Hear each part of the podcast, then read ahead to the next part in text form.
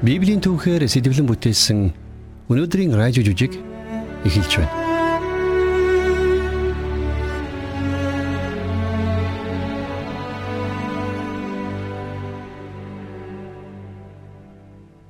Харанхуй шүнж итгэл найдвараар дүүрэн гисэн цовруг жүжигийн хүрээнд Бурхны үг болох Библийн Марк номын 6 дугаар бүлгээс сэтвэлсэн Бурхны иш үзүүлэгчийг цаазалсан хэмээх өнөөдрийн бүлгийг та хүлээн авч сонсох болно.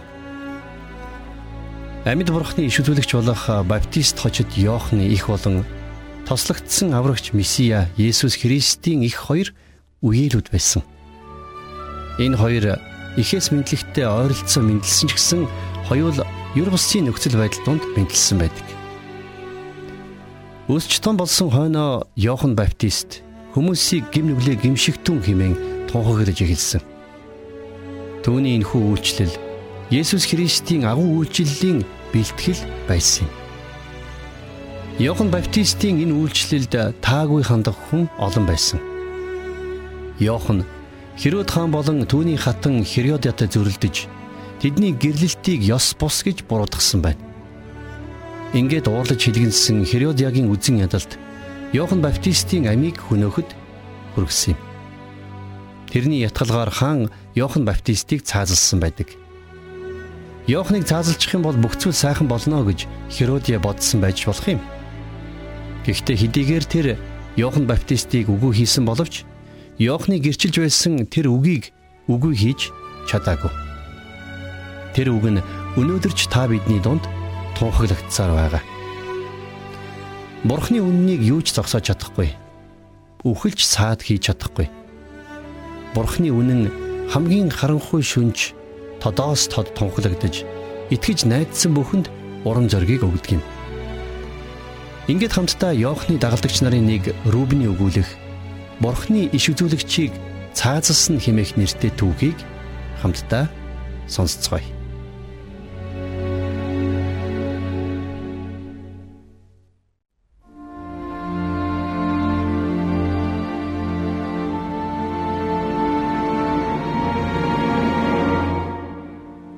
Ээж минь баптистч Иохан болон Иесусыг хэрхэн мэндэлсэн тухай гайхалтай түүхийг надад олон удаа ярьж өгдөг байлаа.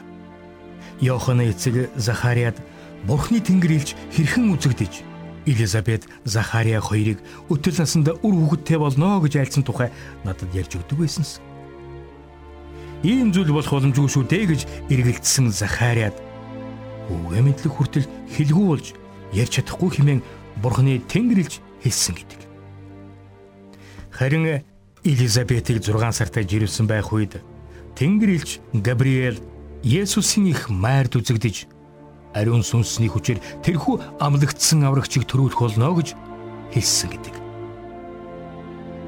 Мариаг жирэмсэн болсныг Йосеф мэдэх үед тэд аль хэдийн сүй тавьчихсан байжээ. Хууль ёсоор бол Йосеф Мариаг чулуугаар шидэж алах хэрэгтэй байв. Харин Йосеф үүний оронд Мариагаас чимээг үхэн салахар шийджээ. Гэтэл түнд Бурхны тэнгэр илч үзэгдэж Мариагийн хөвлөд байгаа хүүн ариун сүнсээр олдсон учраас Мариатай гэрлэхээс бүү татгалз гэж тушаасан байна. Ингээд Йосеф Мариатай гэрлэж Иесусыг төрсөн хүү шигэ хайрлаж өсөжээ. Йоханыг мэдлэхэд бүх хүмүүс түүнд эцэгтэй найдалхан Захария гэж нэр өгөхийг хүсэж байна. Харин эцэг их нь энэ саналыг эсэргүүцэж Тэнгэр элчийн Захариад сануулсанчлан Йохан гэсэн нэрийг өгчээ. Захариа самбар гуйж дээр нь түүний нэр нь Йохан гэж бичсэн даруйд Захариа эргээд хилтэй болжээ. Үүнийг харсан айл хөршийнхэн хамаатан садангууд нь гайхан биширч тэр бяцхан хүүг бурхан гайхамшигтайгаар хэрэглэх юм байна гэдгийг ойлгосон гэдэг.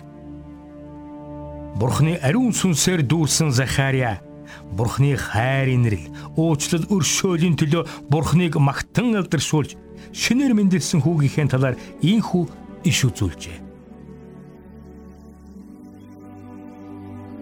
Хөвөө чи хамгийн дээд нэгний иш үзүүлэгч гэж дуудагдах нь чи замыг нь бэлтгэхээр эзний өмнө явж нүглийнх нь уучлалаар авралын мэдлэгийг ард түмэндээ өгөхийн тулд юм. Ийн бурхны маань нэгүүлсэнгүй өршөөлөөр дорны гэгээ дээрээс бидэнд айлчлан ирэх нь харанхуй хийгээд үхлийн сүудэрт суугсдийн дээр гийж хөлийг маань амар тайвны замд чиглүүлэхийн тулд юм.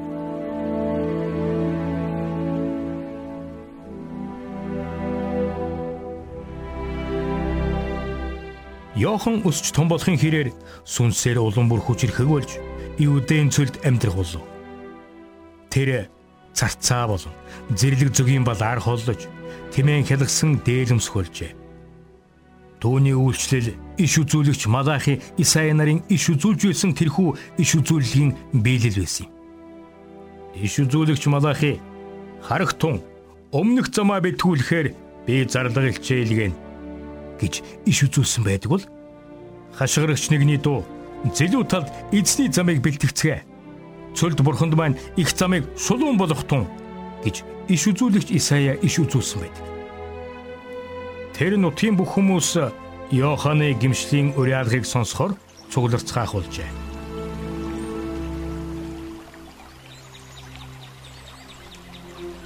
Бурхны үгийг анхааралтай сонсогтун Оройдхоос өмнө Бурхны үгэнд анхаарлаа хандуулах тун. Гэм нүглээсээ эргэх тун. Бурхны өмнө гэмших тун. Гэмшицгээ. Тэнгэрийн хаанчлал айсвэ. Гэм нүглээ гимшин улаасан бүхнийг Йохан Йордан голын усаар угааж усан баптизм хүртээж байв. Тэр Бурхны үгийг тунхаглахдаа хинээс айж имэж байсангүй. Түүний үгийг сонсохоор шашны өдөрдөгчд сүмийн зэрэгтнүүд фарисеучуд болон садукайчуд түүн дээр ирэхэд тэр тэднийг улаан үүрэн дээр нь зэмлэн буруутгадаг байлаа. Хортмогон удмаа эрх уур хилэнгээс зүгтхийг хэн та нарт сануулв? Тийм бөгөөс гэмшилд зогстой үр жимсийг гарга. Авраам бидний эзэг гэж дотроо бүү бод. Би та нарт хэлье Бурхан энэ чулуунуудаас ч Авраамд хүүхдүүд босгож чадна. Моддын үндсэнд сүх хэдийнэ зоогджээ. Иймээс сайн үр жимс ургуулдгүй альва мод цавчигдан галд хаягдах болно. Хүмүүс Йоханаас амьдралаа хэрхэн өөрчлөх вэ гэж асуухад тэр тэдэнд бурханлаг амьдралын үнэн бөгөөд энгийн бодит зөвлөгөөг өгдөг байв. Хоёр цамцтай нь цамцгүй нэгэндээ илүү хичил Оолтой нэг нь үүний адил үйлдэх түн. Татвар хураагч та. Та нар тогтоогдсноос илүүг бүү авах түн. Цэргүүдээ. Энээс ч хүчээр мөнгө бүү ав. Хэнийг ч хэлсээр бүү гүтэг. Авдаг хөлсөндөө сэтгэл хангалуун бай. Тэр бүхэл зарим хүмүүс Йоханыг амлагдсан месси аврагч юм биш байгаа гэж бодголоо гэсэн хэдий ч Йохан өөрийнхөө үйлчлэлийг хожим эхлэх Есүсийн үйлчлэлийн замыг бэлтгэх үйлчлэл хэмээн тодорхой хэлж өгсөн юм. Би Христ биш. Би та нарт гэмшлийн чин төлөө усаар баптизм хүртээдэг. Харин надаас илүү хүчирхэг нэгэн миний араас ирж байна. Би түүний шахаагч авч явах үн хүндгүй.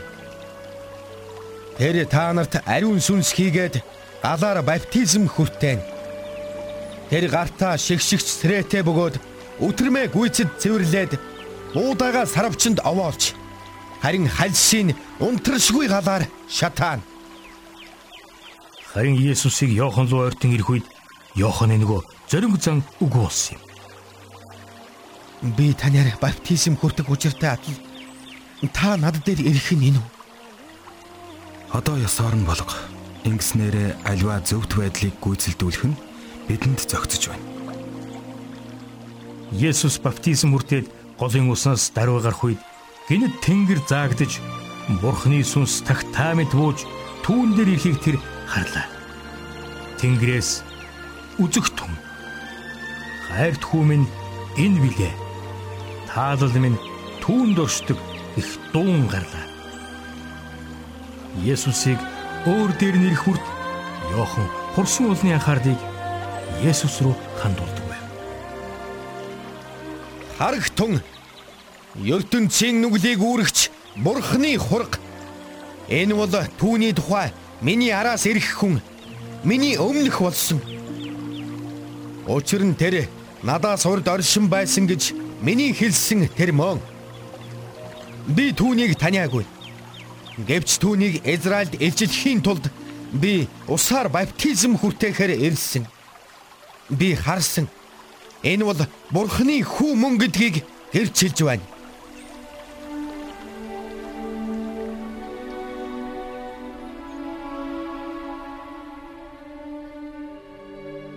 Йоханы амьдралч тэр, номлолч тэр маш тодоос тодорхой байсан юм. Түүний энэ дэлхий дээр мэндэлсэн тэр үйл явдал гайхамшигар дүүрэн байсан. Түүнийг мэдлэх үед эцэг их нь хүүхэд төрүүлэх наснаас аль хэдийн хэтэрчихсэн байсан. Харин түүний үеэл Есүсийн мэндэлсэн тэр үйл явдал бүрч илүү гайхамшигтай байлаа. Есүсийн их Мария онгон атла Есүсийг тээж төрүүлсэн юм. Есүс бол Бурхны ариун сүнсээр олдсон амлагдсан аврагч Месиа байсан юм. Харин Иохны амьдрал их уунууц байв. Тэр цөлд амьдарч тэмээний хэлгсэн хувцс өмсөж царцаа зэрлэг зүгийн балаар хоолдог байлаа. Тэрээр Есүсийн үйлчлэл замыг бэлтгэж хүмүүсийг гимшилд уриалж байсан юм. Хүмүүс Иохныг Месиа хэмээн эндүрх үед Иохан тэдний анхаарлыг Есүс рүү хандуулдаг байв. Өмнө нь хэлж байсанчлан Йохан үннийг хинээс яаж имэлгүй өчтөг зоримог нэгэн байсан юм. Тэр битгий хэл Галилийн захирч Херодын үүрэн дээр алдаа зөрчлийн үннээр нь хэлхээс Йохан айж имээгээгүй. Херод маш олон гимнэг үл үйлцсэний дотор өөрийн дүү Филиппийн эхнэрийг булааж өөрийн эхнэр болгосон явдал байсан юм.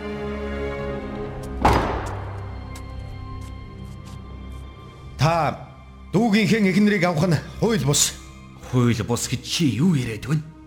Би хууль ёсны л гэж хэлсэн бол хууль ёсны болдгийм мэдвүү? Чи юм уу? Миний нөхөртэй ингэж ярьж зүрхлэн гинэ? Чи биднийг шүүж яаж зүрхлэн вэ?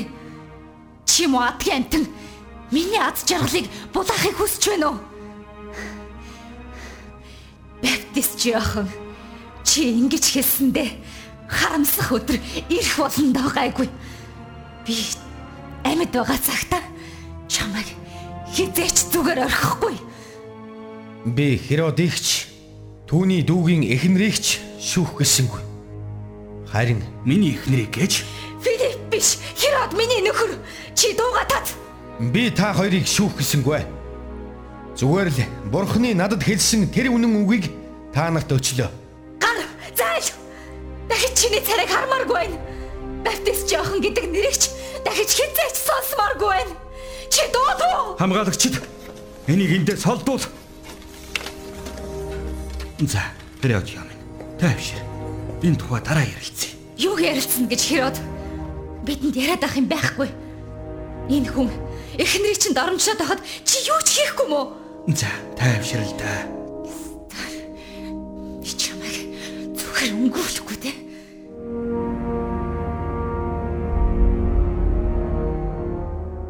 Баптист Йоханыг сайн хүн гэдгийг Херод мэдэж байлаа. Тэр түүнийг хүндэлж түүнээс имээдэг байв. Йоханы хэлсэн бүхнийг ойлгож тэр бүхэнтэй дандаа санал нийлж чаддгүйч Йоханы ирийг сонсох дуртай байсан юм. Бас ард түмэн нь Йоханыг Бурхны иш үзүүлэгч гэж үздэг гэдгийг ч тэр сайн мэддэг байлаа. Гэхдээ нөгөө тэгүр тэр Херодтой муудалцахыг хүсэхгүй байлаа. Ингээд тэр Херодыг ятгахыг оролдож эхэлсэн юм.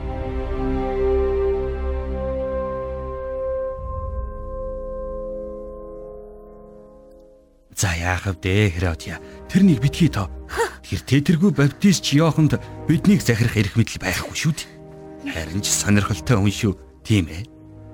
Тэр ховд сунар байгаа байдал нь зугаатай санагдаад байдаг юм. Юу? Би наад нэрийг чинь дахиж сонсмооргүй байна гэж хэд хэлэх юм бэ? Тэр намайг нэг муу хог нов шиг үзлээ.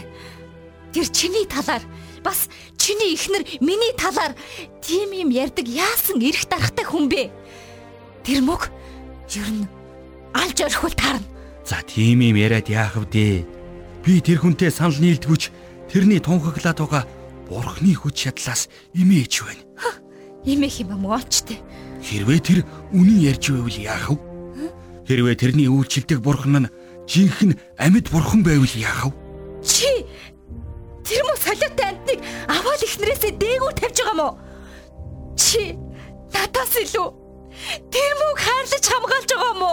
Яалаа гэж те онгор минь. Би зүгээр л тэрний тэр яриад байгаа зүйлийг илүү мэдэх санаатай л. Үгүй яах вэ?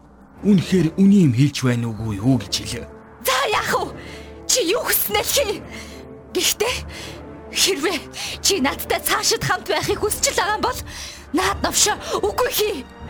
Тэр хүртэл би чамтай уулзахчгүй. Ганцаараа амьдрах болно. Мэдвүү чи?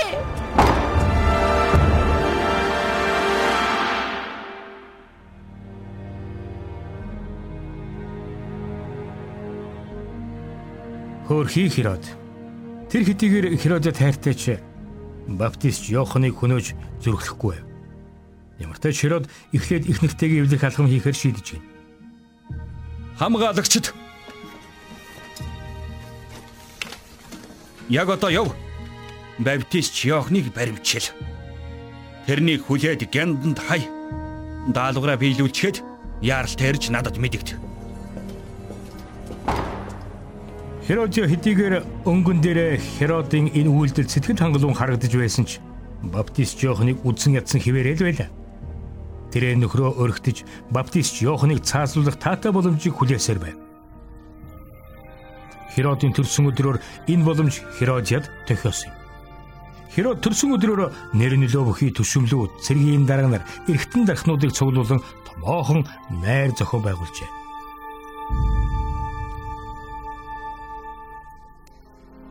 Эрхэм зочдоо та бүхэн энэ улсын хамгийн шилдэг дарсыг шимж хамгийн амттай хоолыг зооглолоо. Одоо та бүхэн хамгийн шилдэг авьяас хамгийн сайхан гоо үцгэлэнгээр нүдэ мелано. Миний хайртай эхнэр Херодиагийн охин Саломиг би энэ газарт урьж байна.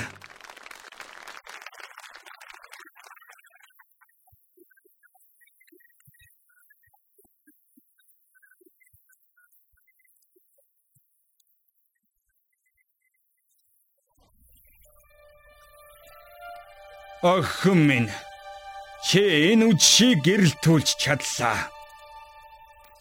Би ийм гайхалтай сайхан бүжгийг амьдралдаа үзэж байсангүй.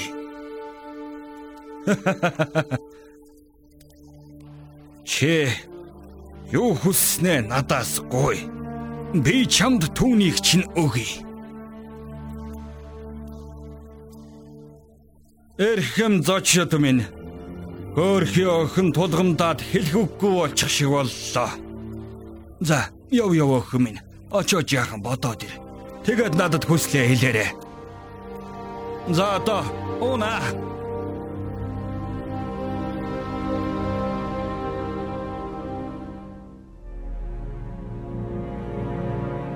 Саломе охин тэр даруй их дэрэг очоод. Тэгээд Херодиад Херодын амлалтын тухай хэлсэн юм. Ээжээ би юу гоох вэ? Херодын амнаас ийм үг унах мөчийг би хичнээн удаан хүлээсэн гэж бодож байна. Херод ч амаа барих зүйл хийчтэй. Гэхдээ одоо нэгэнт оройтсан. Чи яг одоо бушуухан эргэж очиод баптист Иохны толгойг гуй. Яах гэж ээжээ? Яагаад би хүний толгой гуйх ёстой гэж? Баптист Иохан бол энэ нийгмийг хордуулагч. Боломж олдсон дээр нь бид энэ хүнийг үгүй хийх хэрэгтэй. Энэ хүнийг үгүй болохоос нааш би амар тайван байж чадахгүй. Яг одоо яв. Миний хэлснийг хий.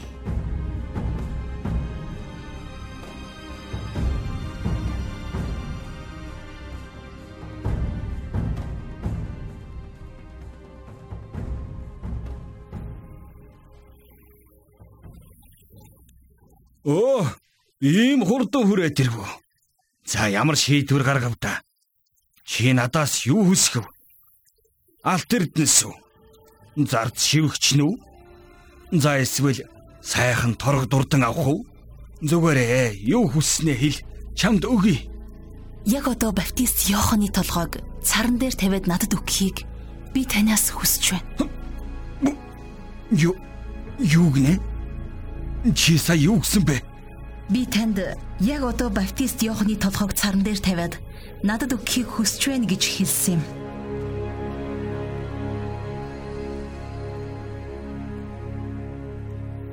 Хэдийгээр дургүй байсан ч хаан Соломегийн хүсэлтээс татгалзах чадсангүй. Тэр ямар ч хүсэлт байсан биелүүлнэ гэж амласан шүү дээ. Зочдынхоо өмнө өөрийгөө эвгүй байдалд оруулахгүй тулд аргагүй ихэнд охины хүсэлтийг биелүүлсэн юм. Хамгаалагчд Хамгаалагчд Одоох яваа зандалчинг дууд. Тэгээ тэрнийг шорон даваачаад баптист Йоохны толгойг авч ирвэл.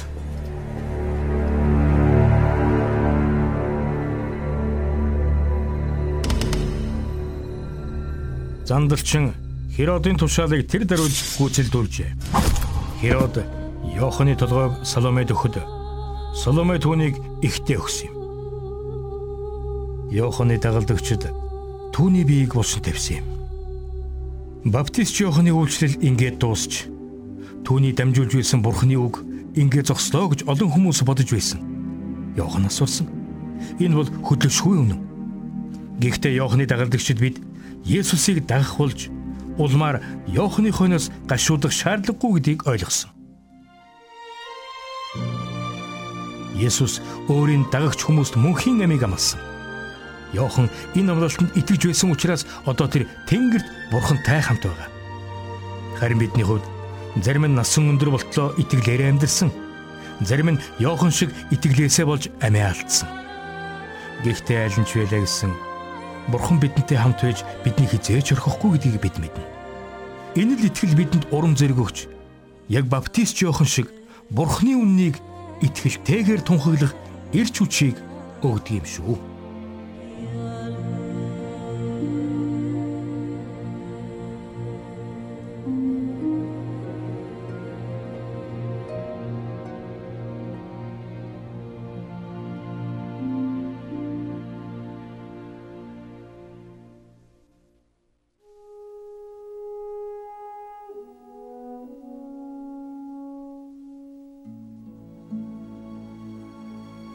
Биднийг өөрчилж биднийг бурхны ариун байдал дээцүүлэхийн тулд бидэнд мөнхийн амийг өгөхийн тулд Есүс Христийн дэлхийд ирсэн.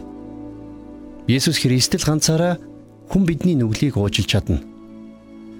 Есүс нэгэн удаа цаа өвчтэй хүнд хандаж "Хүмүн нүгэл чинь уучлагдсан" гэж хэлсэн байдаг.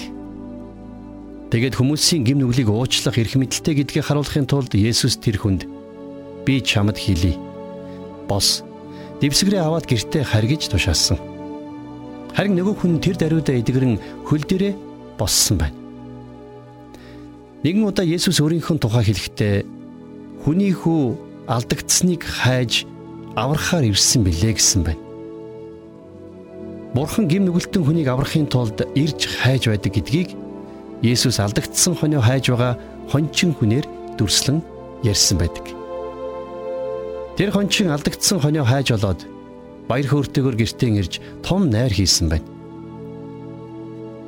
Амьдралдаа төрж бодлон явсан та биднийг Бурхан хэрхэн хүлээн авдаг вэ гэдгийг Есүс гим нүгэлд автан алс холын нутагт тэнэж үлссэн хүү эцэгтэй ирж байгаагаар зураглан харуулсан байна. Хүүгээ ирж явааг алсаас харсан эцэг нь хүүрүүгээ гүн очиж тэрвэрэн авсан байдаг шүү дээ.